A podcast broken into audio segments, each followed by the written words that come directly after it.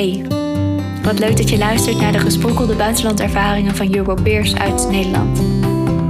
Het zijn jongeren die voor langere tijd ergens in Europa hebben gewoond, bijvoorbeeld voor Europees vrijwilligerswerk of een internationale jongerenuitwisseling. Tijdens een podcastworkshop op 9 mei 2020 schreven en werkten zij allemaal thuis aan een podcastminuutje om je mee te nemen naar een belangrijk of dierbaar moment tijdens hun buitenlandervaring. Mijn naam is Annelies van Wijk en ik mocht ze deze dag meenemen en begeleiden.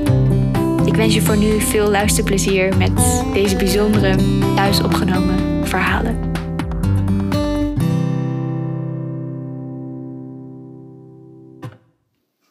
We zitten in de oude vrachtwagen voorin bij de bestuurder.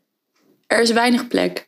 Ik zit dicht tegen de anderen aangedrukt en dat maakt het lastig om daadwerkelijk te kunnen slapen vannacht. Na jaloers te zijn op mijn vrienden naast me, bij wie dit wel lukt, heb ik het opgegeven. Ondanks dat mijn ogen bijna dichtvallen van vermoeidheid.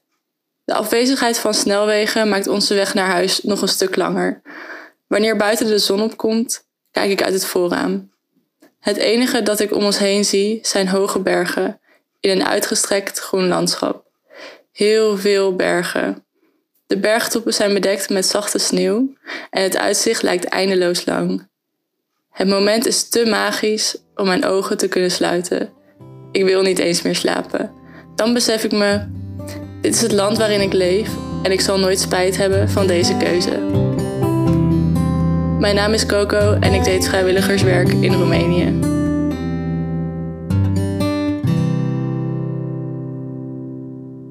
Al uren liggen we hier. In het gras naast de houten kerk die we net hebben bezocht. We horen de vogels, voelen het gekriebel van de beestjes die over ons heen kruipen en we genieten van de paardenbloemen en kleine blauwe bloemetjes in het oneindige veld. Onze gedachten gaan terug naar de kerk.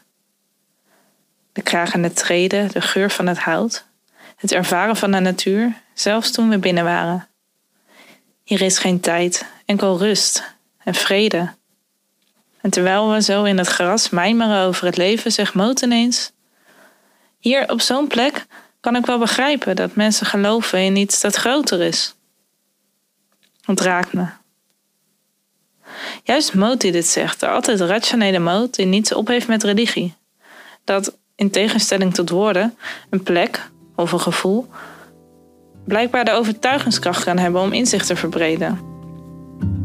Mijn naam is Carina. Ik werkte een jaar als vrijwilliger in Slowakije bij een vrijwilligersorganisatie voor jongeren. Onder andere samen met Moot uit Frankrijk, met wie ik veel avonturen beleefde.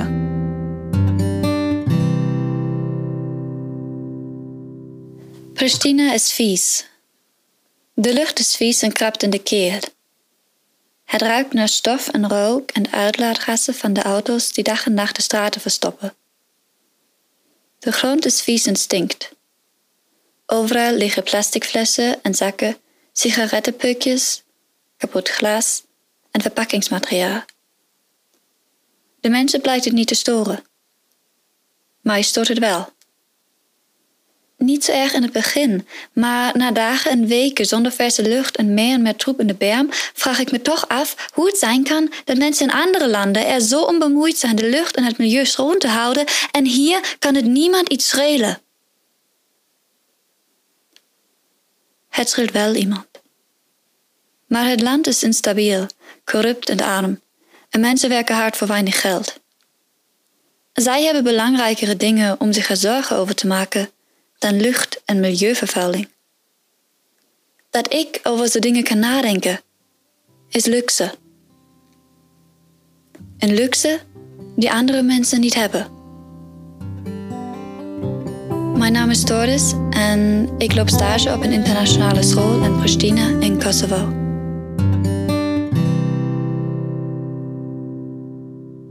Voor het eerst woon ik in het buitenland. Voor het eerst eet ik brinsen halushki. Voor het eerst leer ik hoe Photoshop en InDesign werken. Voor het eerst koop ik aan een balie een kaartje voor de trein. Voor het eerst ga ik naar een opera. Voor het eerst bewerk ik video's en interview ik kunstenaars. Zelf word ik ook voor het eerst geïnterviewd voor de radio. Voor het eerst ga ik ijshockeyen.